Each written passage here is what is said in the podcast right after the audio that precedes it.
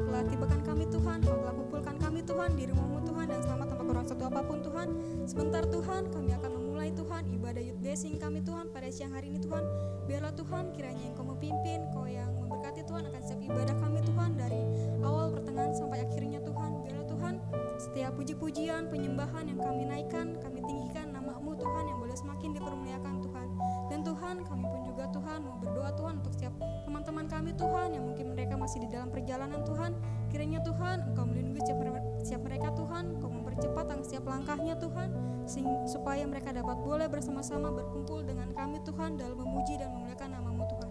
Terpujilah Engkau Tuhan, kami menyerahkan Tuhan ibadah youth blessing pada siang hari ini semuanya ke dalam tanganmu Tuhan. Terpujilah Engkau Tuhan, kami sudah berdoa dan mengucap syukur. Haleluya, amin. Amin. Masih semangat untuk memuji Tuhan? Kasih tepuk tangan dulu dong untuk Tuhan kita. Kita angkat pujian ajarku berdiam.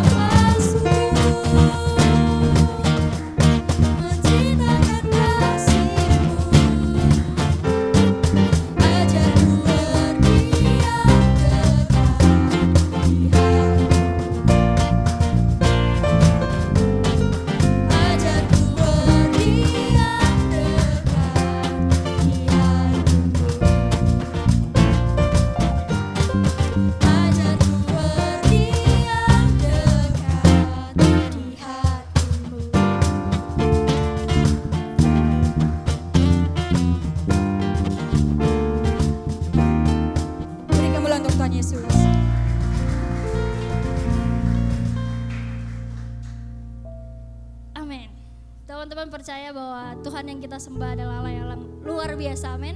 Amin. Teman-teman datang ke sini dalam keadaan yang sehat, Amin. amin. Semua karena siapa?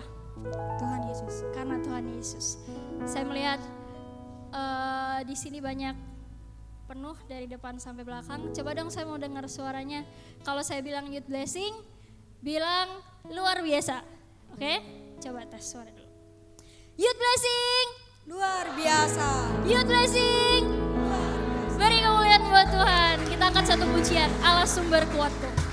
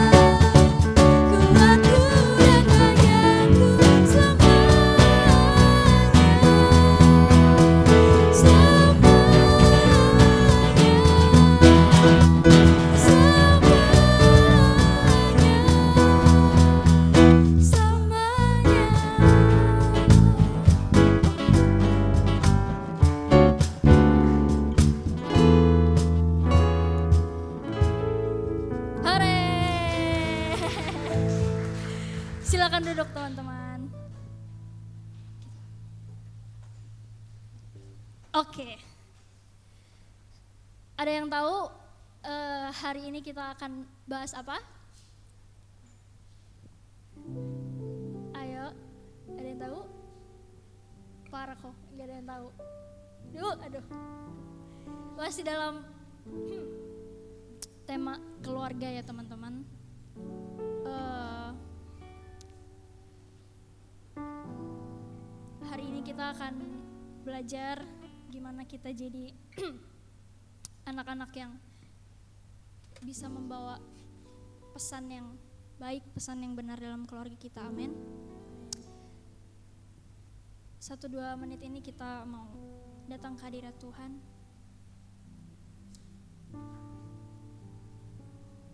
Kita mau renungkan lagi kebaikan Tuhan dalam kehidupan kita.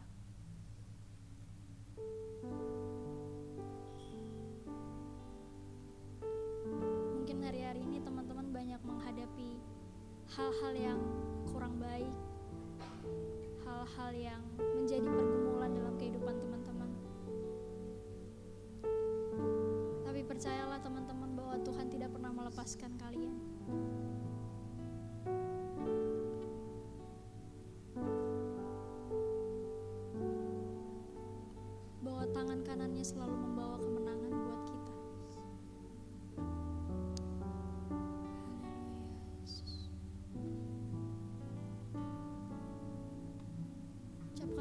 Sama Tuhan siap hari ini.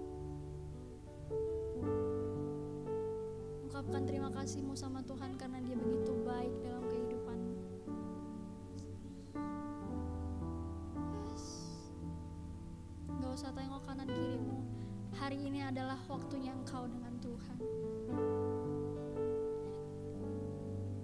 Tuhan mau sampaikan sesuatu buat engkau. Tuhan rindu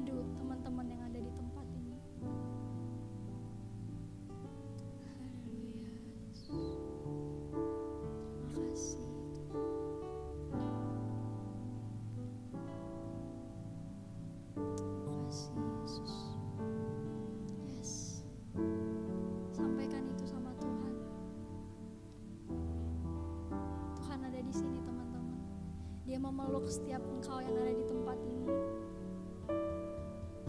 Dia mengerti apa yang menjadi isi hatimu,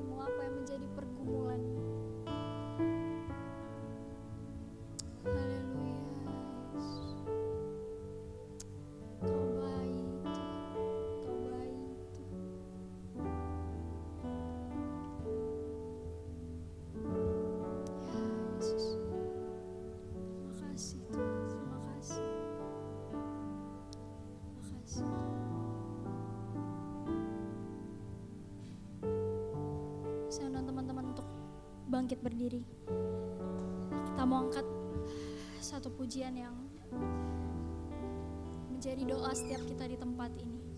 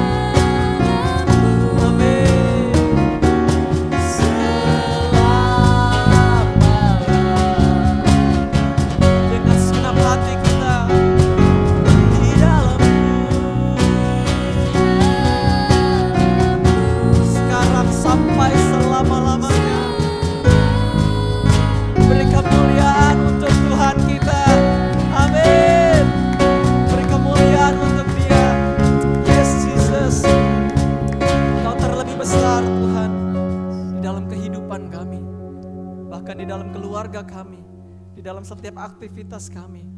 Bahkan di setiap pergumulan kami. Engkau jauh lebih besar. Kau yang bertahta atas setiap kehidupan kami. Bapak yang baik.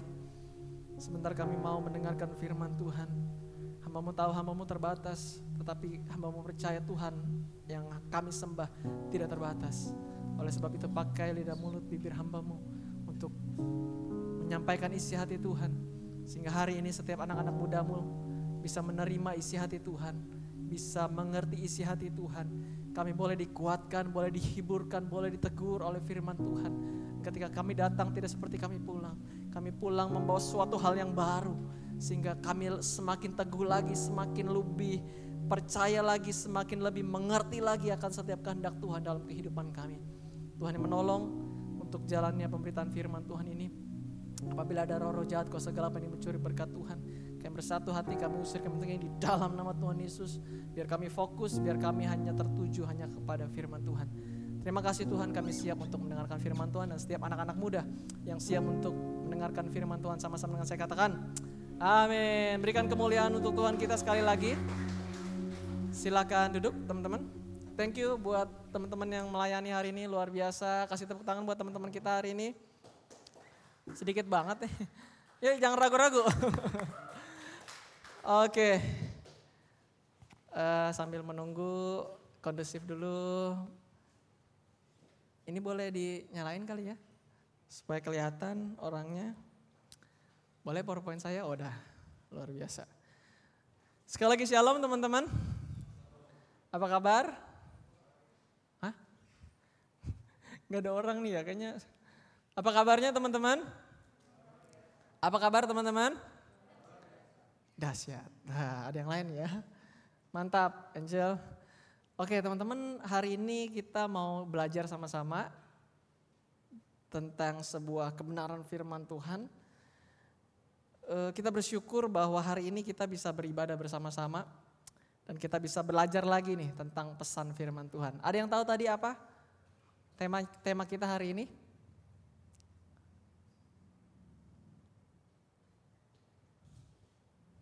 Yuk kita tutup dalam doa.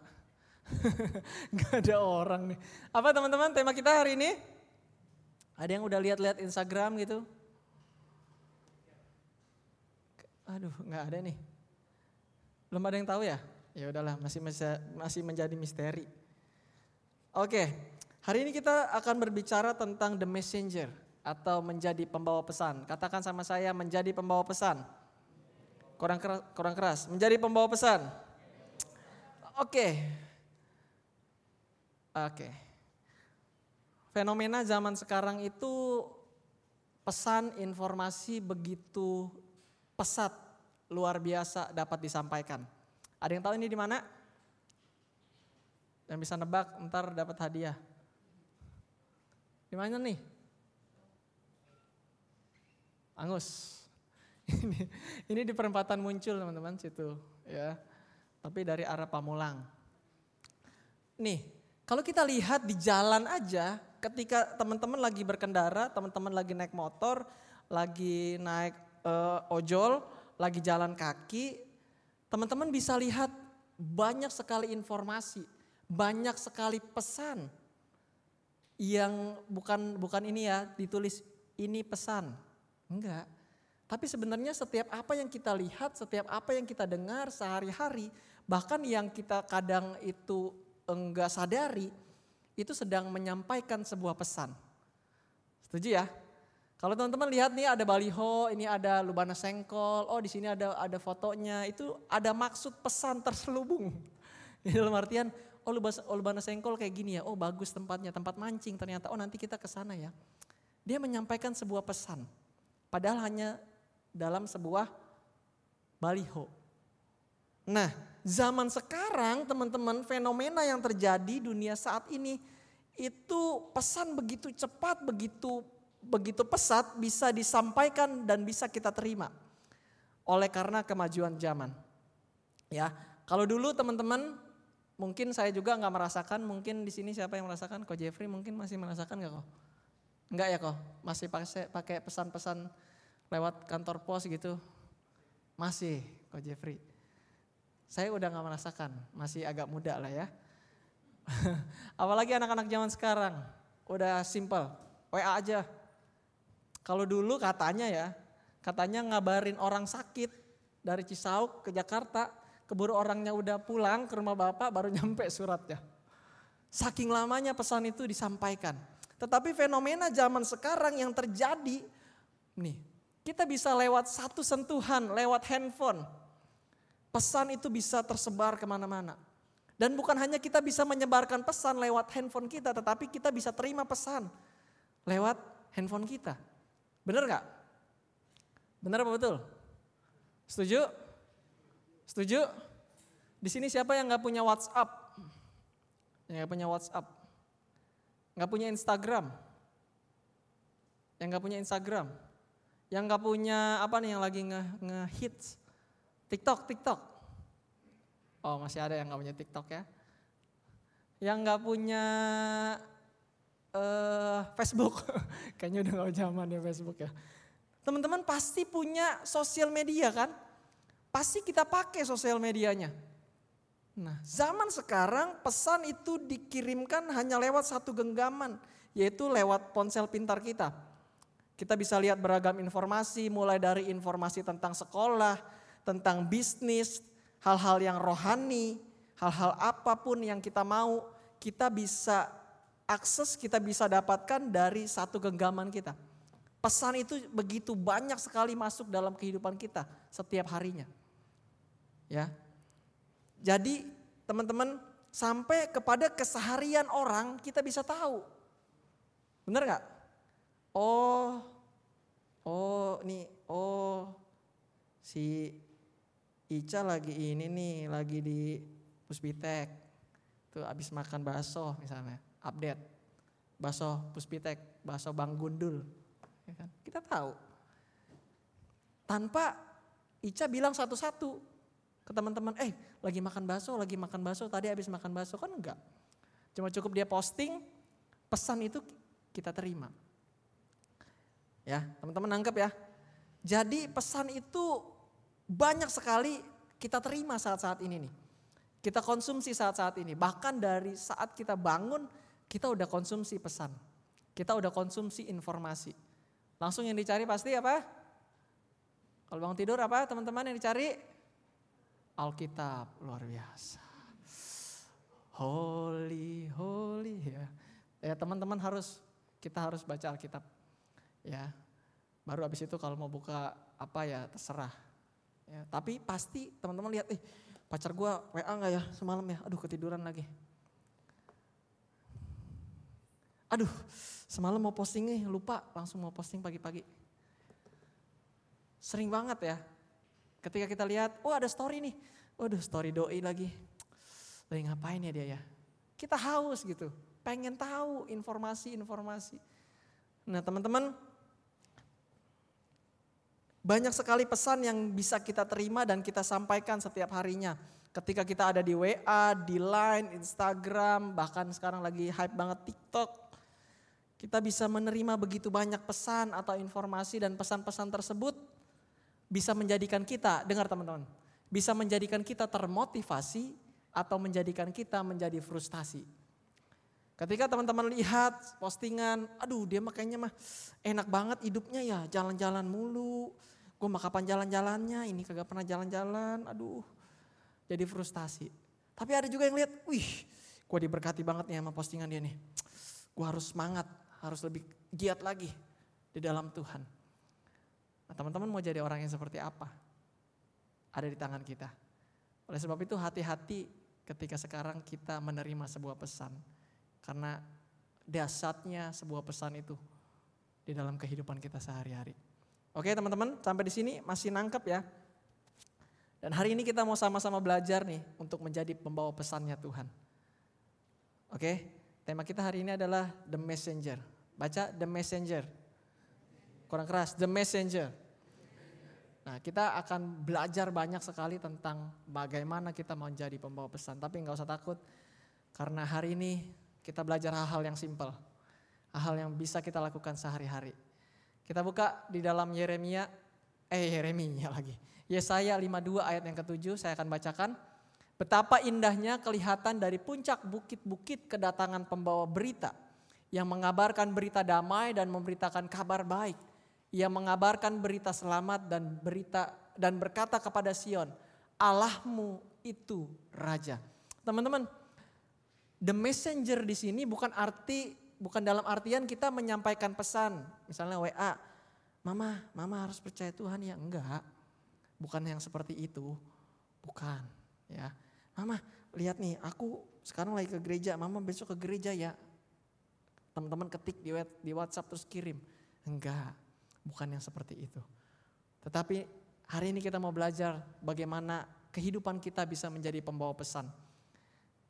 Ya teman-teman, kenapa tadi saya awali dengan sebuah ilustrasi bagaimana kehidupan sekarang begitu pesatnya pesan itu bisa kita terima, informasi kita bisa terima. Karena ini akan menjawab pertanyaan yang pertama. Yang pertanyaan dan pertanyaan yang pertama yang saya mau tanyakan kepada setiap kita dan kita mau sama-sama belajar adalah kenapa kita harus menjadi pembawa pesan? Tanyakan dalam hati teman-teman, kenapa saya harus jadi pembawa pesan? Kenapa saya yang harus jadi pembawa pesan buat keluarga saya? Kenapa bukan orang yang lain? Nah, teman-teman, kenapa saya buka tadi dengan ilustrasi tersebut? Karena poin yang pertama, karena dunia saat-saat ini membutuhkan pesan yang benar. Katakan pesan yang benar. Ketika teman-teman akses Instagrammu, teman-teman bisa mendapatkan pesan yang benar dan pesan yang tidak benar. Pesan yang bisa membangun atau pesan yang malah menjatuhkan. Nah, oleh sebab itu, sebagai anak-anaknya Tuhan, kita harus menjadi pembawa-pembawa pesan yang benar. Tanpa dipungkiri, kita adalah orang-orang yang haus pesan. Setuju ya? Haus akan informasi, kepo dalam artian ya, pengen tahu. Makanya TV sekarang nggak begitu laku. Siapa di sini yang masih suka nonton TV, setiap hari nonton TV gitu? Nyalain TV, ada? Masih oh masih ada ya, satu orang dari sekian puluh orang. Kenapa teman-teman gak mau nonton TV saya tanya? Kenapa? Bahkan saat-saat ini di rumah kayaknya udah jarang banget itu TV ada. Kalau enggak TV-nya dikonekin ke internet. Ujung-ujungnya Netflix, kalau enggak YouTube. Kenapa nggak pernah nonton TV? Denis kenapa nih nggak pernah nonton TV Nis? Hah? Di HP udah ada. Oke. Kitin, kenapa? Gak pernah nonton TV lagi, Tin? Apa masih sering? Masih sering, mantap. Tapi fenomena zaman sekarang Saya pribadi aja jarang banget nonton TV. Kenapa? Bukan menjelekkan TV, enggak ya. TV tetap bagus. Tapi pesan yang saya mau itu kadang nggak ada di TV. Bener nggak? Saya lagi pengennya nonton lawak. Tapi di TV adanya berita. Geser ke mana? Ke mana berita lagi? Geser ke mana? Sinetron. Geser ke mana? Sinetron apa yang lagi terkenal tuh? Sampai sampai lagi dituntut ke polisi katanya. Saya pusing dah. Ya. Karena kita haus nih informasi. Kita pengen tahu informasi saya pengennya denger musik tapi di TV nggak ada musik. Larinya ke handphone, cari YouTube aja. Lihat di YouTube. Tanpa dipungkiri kita adalah orang-orang yang haus pesan, haus akan informasi. Itu bisa kita lihat dari seberapa sering kita membuka sosial media kita. Kalau punya iPhone ada itunya ya, apa sekarang namanya tuh? Screen, ah, screen time. Nah teman-teman bisa lihat tuh, screen time-nya berapa lama teman-teman di Instagram, berapa lama teman-teman di Youtube. Bisa dilihat. Kadang, ih iya ya, udah berapa jam nggak berasa. Karena kita haus akan informasi. Nah teman-teman, dunia zaman sekarang itu haus akan informasi, tetapi, nah tetapi teman-teman, bahayanya tidak semua informasi yang ada itu adalah informasi yang benar dan baik. Nah siapa yang bisa menyampaikan pesan yang benar itu? Pertanyaannya kan kayak gitu. Ya teman-teman, saya sebagai orang-orang yang percaya kepada Kristus. Amin. Amin. Oleh sebab itu anak-anak mudanya Tuhan harus menjadi pembawa pesan. Nanti kita baru bahas yang tentang pembawa pesan di keluarga ya. Saya mau bahas dulu nih, kenapa pentingnya anak-anak muda menjadi pembawa pesan. Nih teman-teman, saya mau katakan bukan tanpa mengurangi rasa hormat, bukan mengecilkan orang tua, tetapi sekarang siapa yang menguasai sosial media? Bapak-bapak kah? Ibu-ibu kah? Tidak. Konten kreator itu rata-rata anak muda. Benar? Ya. Dunia sekarang sedang bergantung nih sama anak-anak muda. Nah anak-anak muda youth blessing, teman-teman harus menjadi pembawa pesan yang baik dan benar. Amin. Mau? Mau? Ya kita bisa lihat nih, ini ada saya saya ngomong dari tadi ada statistiknya. Saya searching, saya cari. Ternyata luar biasa, ini nggak kelihatan ya. Nggak kelihatan tentang, uh, ini yang pertama nih the most used social media platform di Indonesia. Itu di paling atas ada YouTube. Terus WhatsApp di bawahnya Instagram, Facebook, Twitter, Facebook Messenger, Line, dan sebagainya. Dan di sini ada daily time. Berapa lama orang Indonesia itu e, berada di media. Di internet itu ada 8 jam 52 menit. Teman-teman sehari melek berapa menit? Dari misalnya kita taruhlah kita bangun jam berapa? Jam setengah lima ya ikut morning with Jesus kan. Haleluya, haleluya pesan terselubung di sini saudara-saudara. Taruhlah ya jam setengah lima, kita tidur lagi jam berapa? Jam sembilan, jam sepuluh taruh. Ya, ada berapa belas jam. Dan 8 jam 52 menit dikatakan orang ada di internet. Bukan ada masuk gitu ya, tapi orang pakai internet hampir 9 jam. Itu artinya lebih dari 50% kehidupan kita ada menggunakan internet. Lalu di sini ada yang lain, yang lain, yang lainnya dibagi-bagi lagi di sini. Uh, aduh, gak baca. Nanti saya baca di sini ya, sebentar teman-teman, biar jelas. Maaf kekecilan. Nah ini di TV ada 2 jam 50 menit. Ini di sosmed, di sosmed 3 jam 14 menit. Ini data saya ambil dari, aduh saya lupa lagi namanya ya. Pokoknya eh, data yang terpercaya lah salah satu platform terpercaya. Lalu di sini ada di pers media satu jam 38 menit. Di sini teman-teman yang suka game ah, ada di sini nih. Satu jam 16 menit dari riset yang mereka lakukan. Wow, itu ya. Teman-teman, Dunia haus akan informasi. Dunia pengen banget tahu sesuatu gitu. Dan anak-anak mudanya Tuhan harus menyampaikan sesuatu yang benar. Apa yang teman-teman sampaikan? Apa teman-teman? Firman, firman Tuhan. Ketika teman-teman posting, orang diberkati. Ketika teman-teman posting, orang-orang bisa melihat, oh iya orang Kristen hebat ya. Amin. Amin. Jadi pembawa pesan, teman-teman. Dunia membutuhkan informasi atau pesan yang benar. Dan pesan itu bisa didapatkan dari anak-anak Tuhan.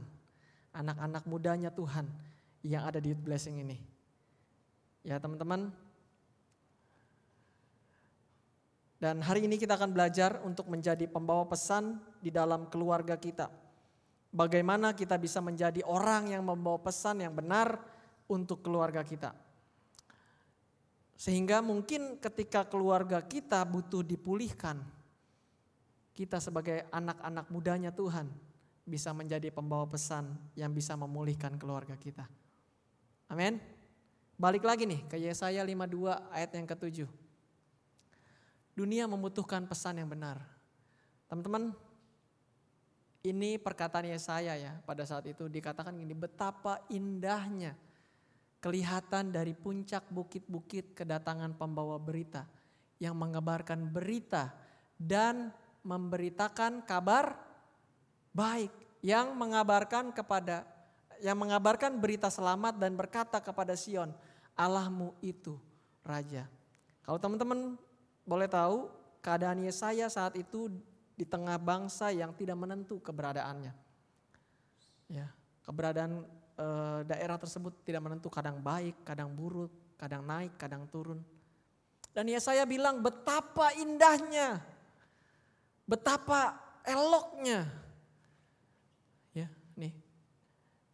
Kedatangan pembawa berita, pembawa pesan, the messenger, berita damai, dan memberitakan kabar baik. Teman-teman ibaratnya gini, ibaratnya teman-teman lagi ada ah, ini tadi banyak Mas ya. Lagi ada di tengah sini suka ada yang suka panjat gunung, panjat gunung, apa sih namanya nih? Hiking ya. Ya, bayangin ya, lagi di padang gitu. Aduh, udah bawaan berat. Haus gitu kan. Aduh, haus banget. Air persediaan udah habis pos selanjutnya masih jauh. Rasanya tuh udah, aduh udah aus banget mana jam 12 siang lagi. Aduh kayaknya udah, aduh gimana ini rasanya. Tapi tiba-tiba ada temen datang, kucuk kucuk kucuk si Andre. Kenapa kok Charlie? Haus Re, capek. Eh Andre punya es kelapa muda nih. Aduh nih kok, buat kau kok. Rasanya gimana tuh? Kayak Wah gitu ya, kayak wah mantep banget dah. Nah kayak gitu juga nih yang digambarkan sama Yesaya ketika keadaan tidak menentu, keada, eh, keberadaan orang yang membawa pesan damai itu ibarat seperti itu kayak wah gila keren banget. Aduh iya ini yang gue perluin nih, ini yang gue butuhin nih. Ibaratnya juga lagi misalnya si Martin, aduh motornya mogok gitu ya lagi jalan dimuncul, aduh mana jauh banget lagi, mana panas, tengah hari bolong. Aduh, kagak ada orang lagi. Bengkel masih jauh, ke rumah masih jauh. Eh tiba-tiba Dennis datang. Neng neng neng neng neng sama temannya. Weh kenapa lu? Mogok motor gua. Oh ya, duluan ya. enggak, enggak, enggak, enggak, enggak salah. Sini sini gua bantu, gua dorongin ya. Didorongin, kayaknya gimana ya, kayak di tengah, aduh gimana nih, lagi kesusahan, lagi kesulitan, nggak menentu, tapi ada orang yang bawa informasi, bawa pesan, eh gue bantuin, langsung, weh iya iya iya iya, ayo. Pulang, happy. Nah seperti itu juga teman-teman yang digambarkan oleh si Yesaya ini, betapa indahnya kedatangan pembawa berita yang menggambarkan berita damai, berita yang benar, kabar baik. Nah, teman-teman, bagaimana nih dengan kehidupan keluarga kita saat-saat ini? Saya nggak tahu bagaimana kehidupan keluarga teman-teman, apalagi di tengah pandemi seperti ini ya. Keadaan tidak menentu, bahkan pekerjaan juga nggak menentu, sekolah aja nggak menentu, jamnya udah pada bete kan sama gurunya, harus tetap mengampuni. Oke, banyak soalnya saya masukkan. Kok agak pernah ngajar kok, gurunya kok saya udah capek kok, suruh tugas doang kok, kagak pernah dikasih tahu apa-apa kok. Tetap bersyukur, bersyukur. Tuhan punya maksud yang indah atas setiap kehidupan kita. Nah teman-teman, di tengah pandemi seperti ini semuanya serba tidak menentu. Semuanya pasti merasakan kebingungan, ketidaktenangan. Kita nggak tahu besok yang terjadi apa. Kita nggak pernah tahu ini bagaimana keadaan dunia ke depan. Ada lagi ditemuin virus baru lagi. Udah makin stres saja kita. Belum habis yang satu, udah ada lagi yang lain. Nggak menentu keberadaan dunia ini. Pertanyaan besar dalam kehidupan kita. Bagaimana kita di dalam keluarga kita? Sudahkah kita menjadi pembawa pesan damai dalam keluarga kita? Sudahkah keberadaan kita menyampaikan informasi yang penuh dengan damai? Menyampaikan pesan kebenaran. Ketika ada kita di keluarga, keluarga jadi happy. Karena kita tahu kita berjalan bersama-sama dengan Tuhan. Sudahkah kita menjadi anak-anak mudanya Tuhan yang menyampaikan pesan kebenaran di dalam keluarga kita. Di tengah masa yang begitu sukar, begitu sulit saat-saat ini. Seperti yang Yesaya alami saat itu. Dia bilang betapa indahnya teman-teman. Yuk teman-teman saya mau ajak untuk kita sama-sama bisa menjadi pembawa pesan. Pesan yang benar buat keluarga-keluarga kita. Amin.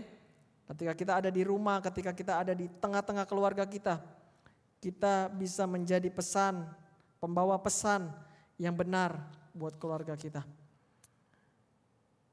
Bahkan mungkin banyak saat-saat ini keluarga yang akhirnya sering ribut, sering berantem.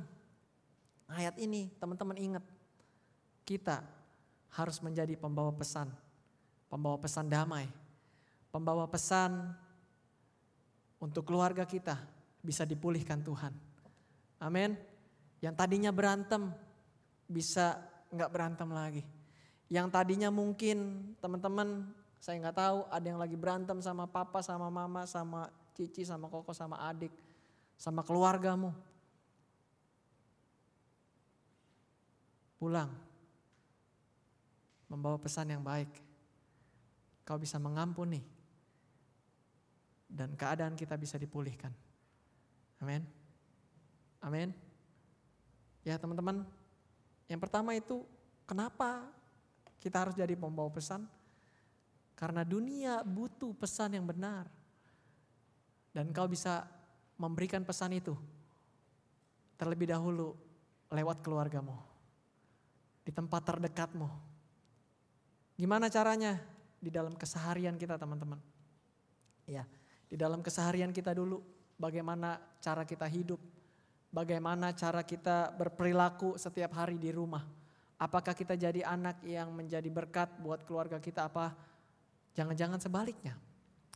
Tapi saya yakin dan percaya dan terus berdoa bahwa anak-anak GSJ Anugerah Sari Mulia bisa menjadi anak-anak yang menjadi pembawa pesan damai di dalam keluarga. Amin. Yes. Ya, bukan malah kita yang jadi bikin biang ribut gitu ya, bikin biang keributan. Nah teman-teman, pertanyaan yang selanjutnya. Lalu bagaimana nih supaya kita bisa menjadi pembawa pesan yang benar? Gitu kan? Kalau yang tadi kita udah belajar, kalau dunia begitu banyak sekali pesan yang disampaikan, bahkan di dalam keseharian kita dan dunia butuh pesan yang benar. Nah caranya gimana supaya kita bisa menjadi pembawa pesan yang benar? Simple. Simple. Baca sama-sama satu, dua, tiga. Aduh, nggak ada orang ini. Satu, dua, tiga. Kita harus terima pesan yang benar dan kita hidupi. Simple nggak? Simple. Udah sering dikotbahin nggak? Sering. Udah dilakuin? Ya jawab dalam hati kita masing-masing ya. Teman-teman, ketika saya lagi pergi mission trip waktu itu ke daerah yang terpencil, sedih. Sedihnya kenapa? Mereka nggak tahu apa-apa. Ngelihat kita kayak ngelihat benda asing gitu ya. Ketika kita ngeluarin sesuatu, dulu zamannya itu handphone apa ya? Handphone apa itu? Ay, waktu itu handphone apa zamannya? Pas aku pergi. Hah? Blackberry, zamannya BB kayaknya waktu itu ya. Blackberry, begitu kita keluarin kan, mau foto, mereka langsung kayak bingung gitu. Benda apa nih kali gitu ya. Karena mereka di sana ada satu tempat di sana listrik aja nggak ada. Boro-boro sinyal. Listrik aja nggak ada. Ya boro-boro dia mau tahu BlackBerry. Tapi saya nggak tahu sekarang gimana keberadaannya. Jalan dari dari kota yang kotanya itu seperti pasar Serpong. Kota itu loh.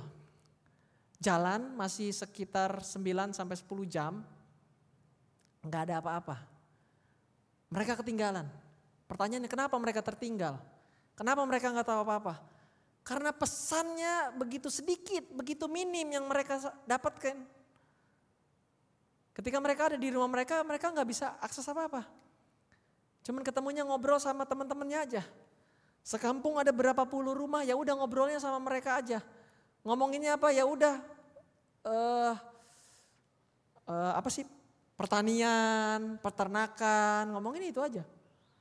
Mereka nggak tahu tuh bisnis-bisnis. Kenapa? Karena informasinya mereka nggak terima. Karena informasinya begitu minim. Nah teman-teman mungkin kita nggak bisa ke sana ya. Tapi saya mau katakan jangan sampai ini terjadi di dalam keluarga kita. Pesan yang benar itu tidak disampaikan dalam keluarga kita. Bahkan minim. Oleh sebab itu banyak orang-orang di daerah mudah digoyahkan, mudah percaya. Ketika ada yang datang, oh iya, oh gitu. Karena mereka nggak tahu. Nggak tahu yang mana yang benar, yang salah, yang mana nggak tahu. Nah jangan sampai di keluarga kita nggak tahu apa-apa teman-teman.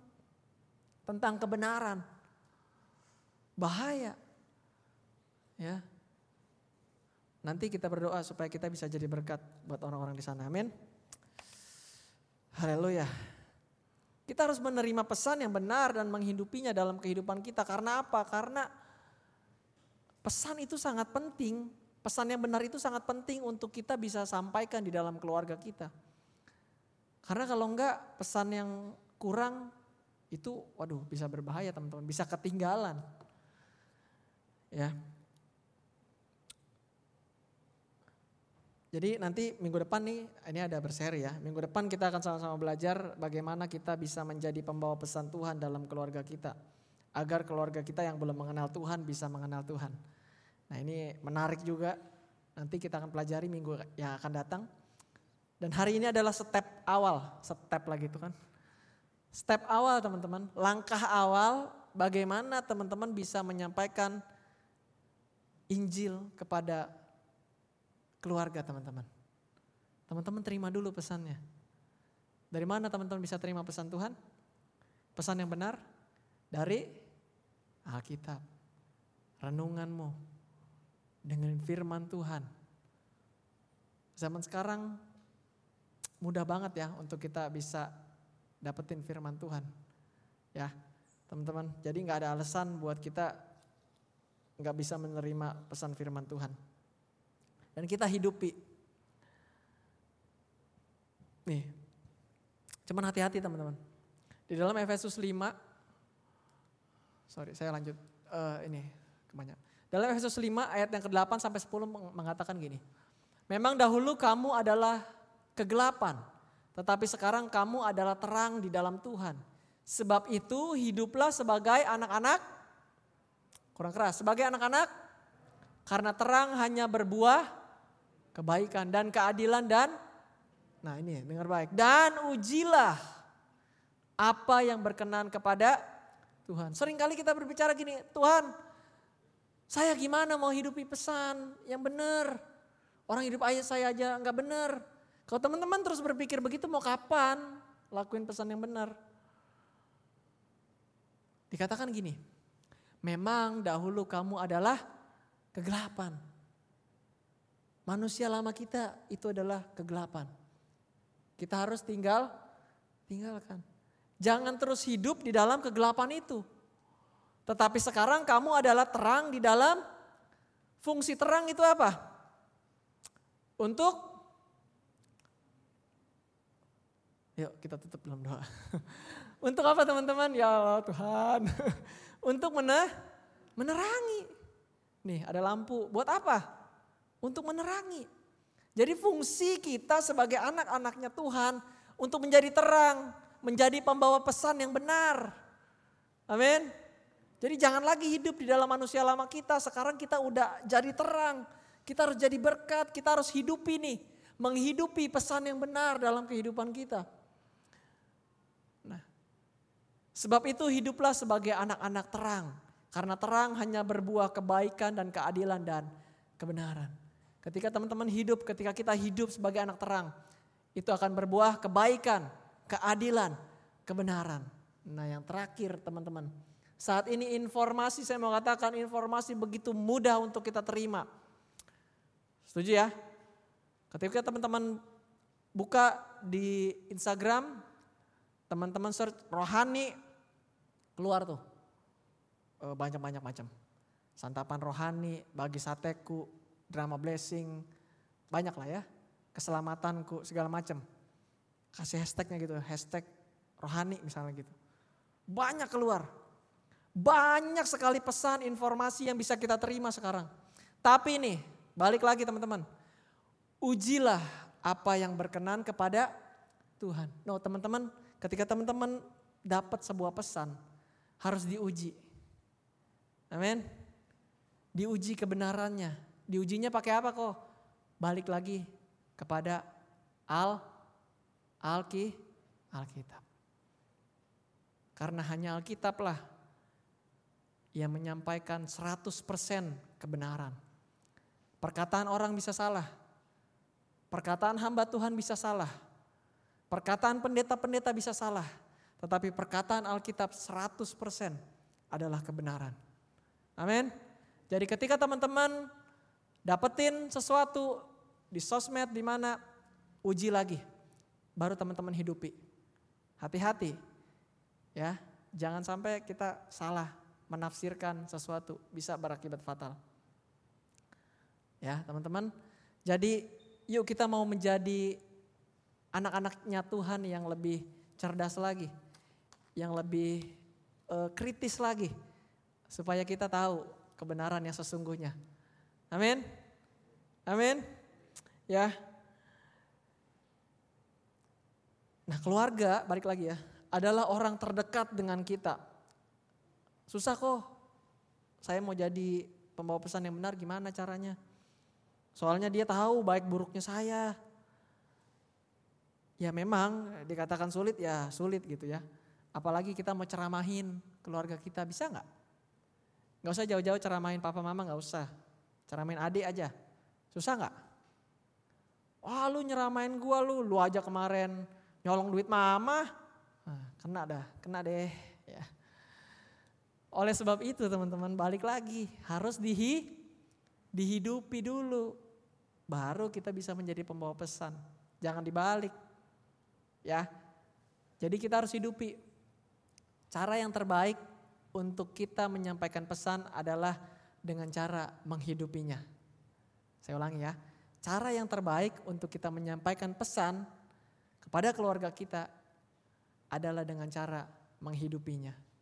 Jadi orang rumah bisa lihat, oh iya, iya, si Cika berubah ya. Ya dia jadi anak yang hebat, luar biasa, luar biasa. Oh dia rajin ke gereja, dia rajin baca firman Tuhan. Orang Kristen luar biasa. Amin. Tapi kalau kita cuma ngoceh, ngoceh doang tapi kita nggak hidupin. Omong kok, omong kosong. Ketika di keluarga, ayo ma, mama harus ke gereja dong. Kalau ke gereja jangan terlambat. Eh kalau hari minggu udah jam 1 masih di rumah. Mamanya nanya tinggal, Nggak ke gereja loh. Iya mah, ke gereja mah, dikit lagi mah. Telat. Ya teman-teman, untuk kita bisa menjadi pembawa pesan dalam keluarga kita, kita harus tahu pesan itu, uji lagi apa yang kita dapat dengan firman Tuhan. Hidupi dalam kehidupan kita sehari-hari. Simpel nggak? Simpel ya. Hari ini simpel banget. Simpel banget. Tim musik saya undang untuk maju ke depan. Ini saya mau katakan bahwa di dalam setiap perbuatan kita, kita sedang mengirimkan sebuah pesan. Katakan di dalam setiap aktivitas saya, ikuti saya. Di dalam setiap aktivitas saya, aduh elah, di dalam setiap aktivitas saya, saya sedang menyampaikan sebuah pesan. Setuju? Ya? Ya, diikutin terus nih saya nih, sampai udahan kayaknya. Di dalam setiap kehidupan kita, kita sedang menyampaikan sebuah pesan. Amin. Ketika teman-teman uh, keluar dari rumah, teman-teman gak izin sama orang tua, itu sedang menyampaikan sebuah pesan. Ketika teman-teman hobinya ribut sama Cici, sama Koko, itu sedang menyampaikan sebuah pesan. Ketika teman-teman males-malesan, disuruh sekolah kagak mau, itu sedang menyampaikan sebuah Dan keluarga kita butuh pesan yang benar. Butuh pesan yang baik.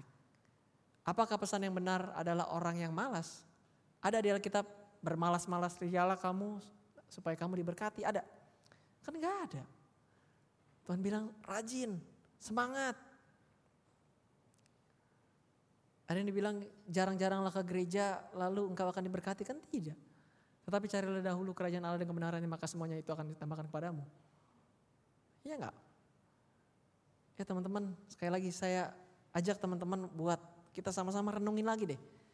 Udah belum kita jadi pembawa pesan di dalam keluarga kita, dalam kehidupan kita? Kita udah tahu belum nih pesannya seperti apa? Dunia membutuhkan pesan teman-teman. Belajar dimulai dari keluarga kita dulu. Sebelum kita keluar pergi yang ke tempat yang lain.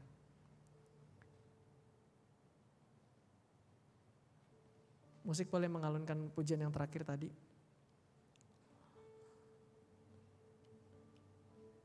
Saya mau tutup gini teman-teman.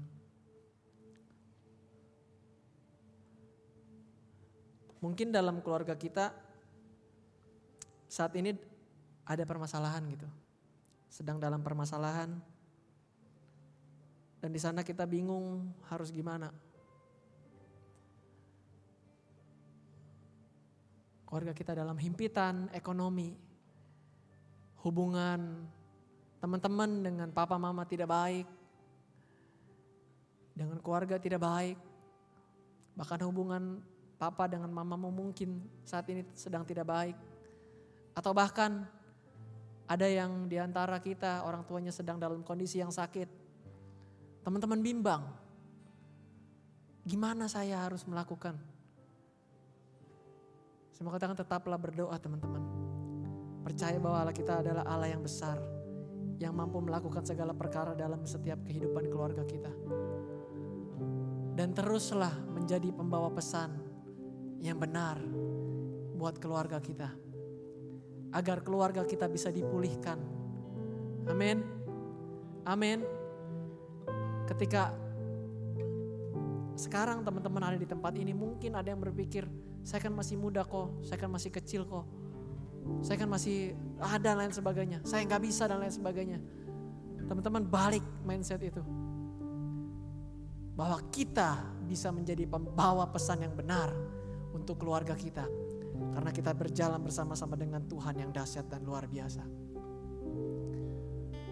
Seperti yang dikatakan dalam firman Tuhan tadi. Betapa indahnya.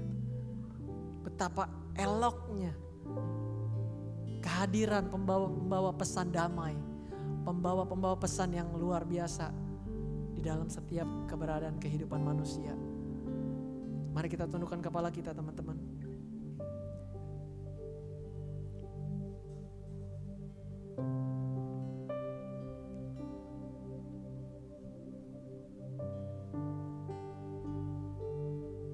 Gak usah lihat kanan kirimu. Kau berdoa sama Tuhan hari ini. Saya minta waktunya lima menit saja. Untuk engkau datang kepada Tuhan. Kalau ada yang saat ini datang dengan kepahitan dengan orang tuamu, datang kepada Tuhan, ampuni mereka. Karena tidak ada gunanya kita hidup dalam kepahitan.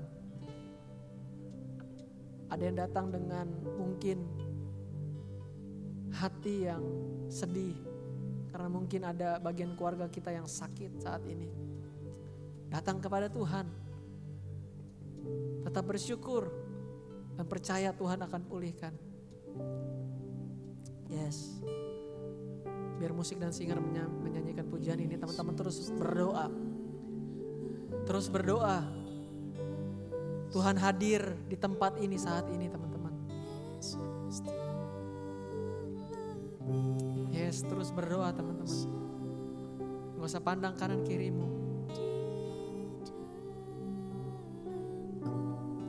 Sudahkah kita bisa menjadi pembawa pesan untuk dunia yang haus akan pesan ini?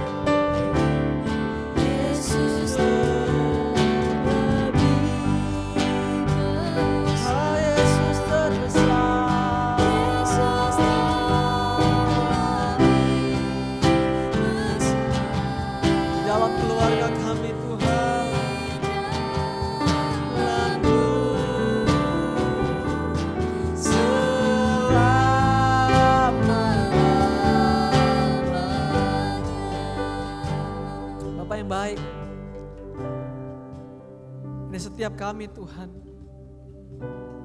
Kami tahu dunia saat-saat ini haus akan pesan. Dan kami belajar hari ini dan kami mau untuk kami bisa menjadi pembawa-pembawa pesan yang benar. Kami mau tahu terus menggali firman Tuhan supaya kami tahu pesan yang benar itu Tuhan. Dan kami mau terus belajar untuk menghidupinya dalam kehidupan kami. Dan terutama kami mau praktekkan itu, kami mau lakukan itu di tengah-tengah keluarga kami Tuhan. Agar keluarga kami bisa dipulihkan Tuhan. Hubungan yang retak, hubungan yang hancur bisa di Tuhan pulihkan. Ada hal-hal yang tidak baik mungkin terjadi dalam keluarga kami sekarang. Tetapi ketika kami ada di sana Tuhan, kami bisa menjadi pembawa pesan damai. Sehingga keluarga kami boleh dipulihkan oleh Tuhan. Tuhan yang menolong, memberikan kekuatan kepada kami. Memberikan kami hatimu Tuhan untuk keluarga kami. Terima kasih Bapak yang baik buat firman Tuhan yang kami sudah dengar pada siang hari ini. Biarlah ini bisa tertanam di tanah hati kami yang subur, berakar, bertumbuh dan berbuah. Dan buahnya bisa dinikmati oleh banyak orang. Terpujilah nama Tuhan. Kami sudah berdoa dan kami bersyukur. Haleluya. Amin. Silakan duduk teman-teman.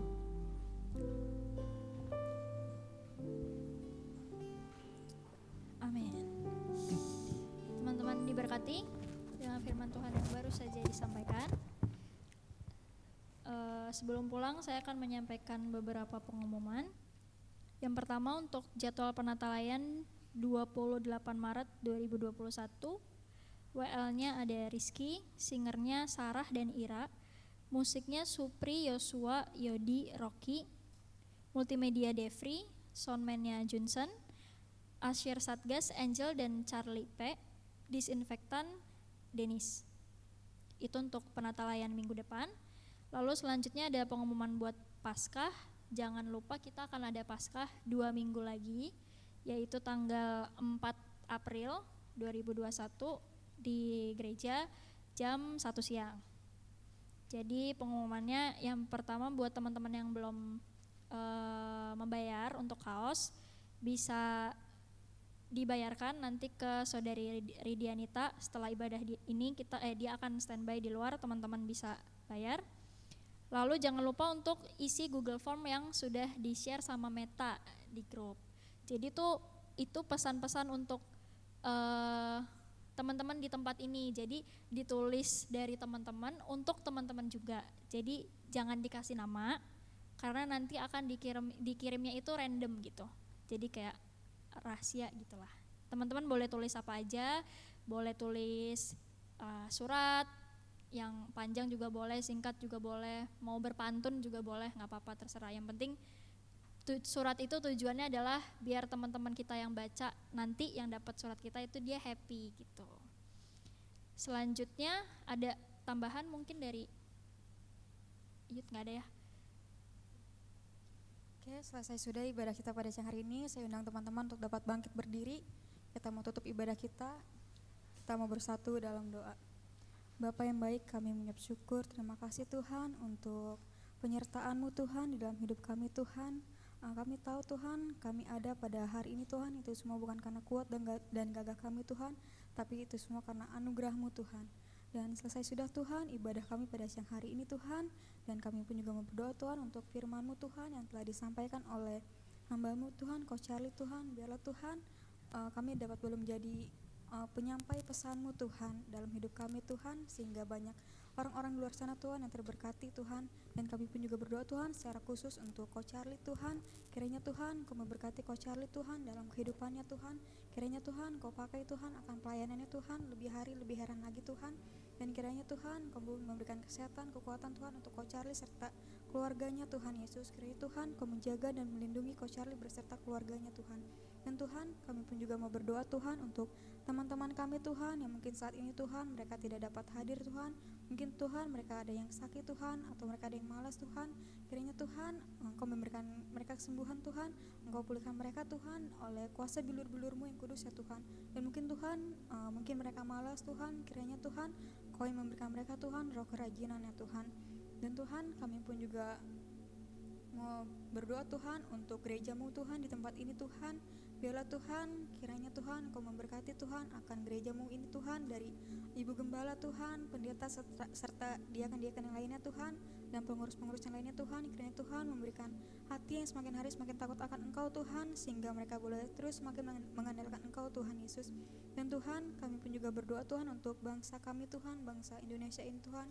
Tuhan, Engkau yang terlebih mengetahui akan keadaan bangsa kami Tuhan, di mana Tuhan eh, pada saat ini Tuhan untuk corona Tuhan belum pulih Tuhan, kami percaya Tuhan Engkau yang akan selalu melawat kami Tuhan. Biarlah Tuhan kiranya Engkau yang memberkati Tuhan akan Bapak Presiden sampai eh, petinggi-petinggi yang dari tertinggi atau dan ter- ter- terendah Tuhan Yesus. Kiranya Tuhan kau berikan mereka hikmat, eh, hati yang semakin takut akan Engkau Tuhan sehingga mereka dapat boleh terus selalu berserah kepadamu Tuhan. Mereka terus selalu boleh mengandalkan Engkau Tuhan. Dan Tuhan kami pun juga mau berdoa Tuhan untuk persembahan persembahan kami Tuhan. Biarlah Tuhan kiranya Engkau memberkati Tuhan akan setiap tangan-tangan yang memberi Tuhan. Biarlah Tuhan persembahan kami dapat boleh terus Tuhan semakin memperluas untuk kerajaan-Mu Tuhan. Dan sebentar Tuhan kami pun juga mau berpisah satu dengan yang lainnya Tuhan. Kiranya Tuhan Kau melindungi setiap perjalanan kami Tuhan. Tibakan kami Tuhan sampai di rumah kami masing-masing dengan selamat tanpa kekurangan satu apa pun Tuhan. Dan mungkin Tuhan Uh, di antara kami pun juga Tuhan, kami ada yang mau melanjutkan perjalanan lain Tuhan. Kiranya Tuhan, Engkau yang selalu menyertai setiap perjalanan kami Tuhan. Terpujilah Engkau Tuhan, terima kasih Tuhan untuk setiap berkat kebaikan-Mu Tuhan yang tiada berkesudahan Tuhan dalam hidup kami. Uh, terpujilah Engkau Tuhan, kami menyerahkan Tuhan kehidupan kami semuanya ke dalam tangan-Mu Tuhan. Haleluya. Teman-teman yang terkasih di dalam Tuhan Yesus Kristus, angkatlah tanganmu dan terimalah berkat dari Allah Bapa di surga. Tuhan memberkati dan melindungi engkau. Tuhan menyinari engkau dengan wajahnya dan memberi engkau kasih karunia. Tuhan menghadapkan wajahnya kepadamu dan memberi engkau damai sejahtera. Tuhan akan mengangkat engkau menjadi kepala dan bukan ekor. Engkau akan semakin naik dan bukan menjadi turun. Apabila engkau mendengarkan setiap firman yang disampaikan kepadamu pada hari ini, engkau lakukan dengan setia. Persekutuan Allah Bapa, Putra, dan Roh Kudus, serta cinta kasih dari Tuhan Yesus Kristus, senantiasa akan menyertai dan memimpin setiap langkah-langkah kehidupan kita, mulai dari saat ini sampai Maranatha. Tuhan Yesus datang kembali yang kedua, menjemput kita orang-orang percaya masuk dalam pesta perjamuan anak domba. Setiap kita yang diberkati dapat berkata, Amin. Selamat pulang, Tuhan Yesus memberkati. Hati.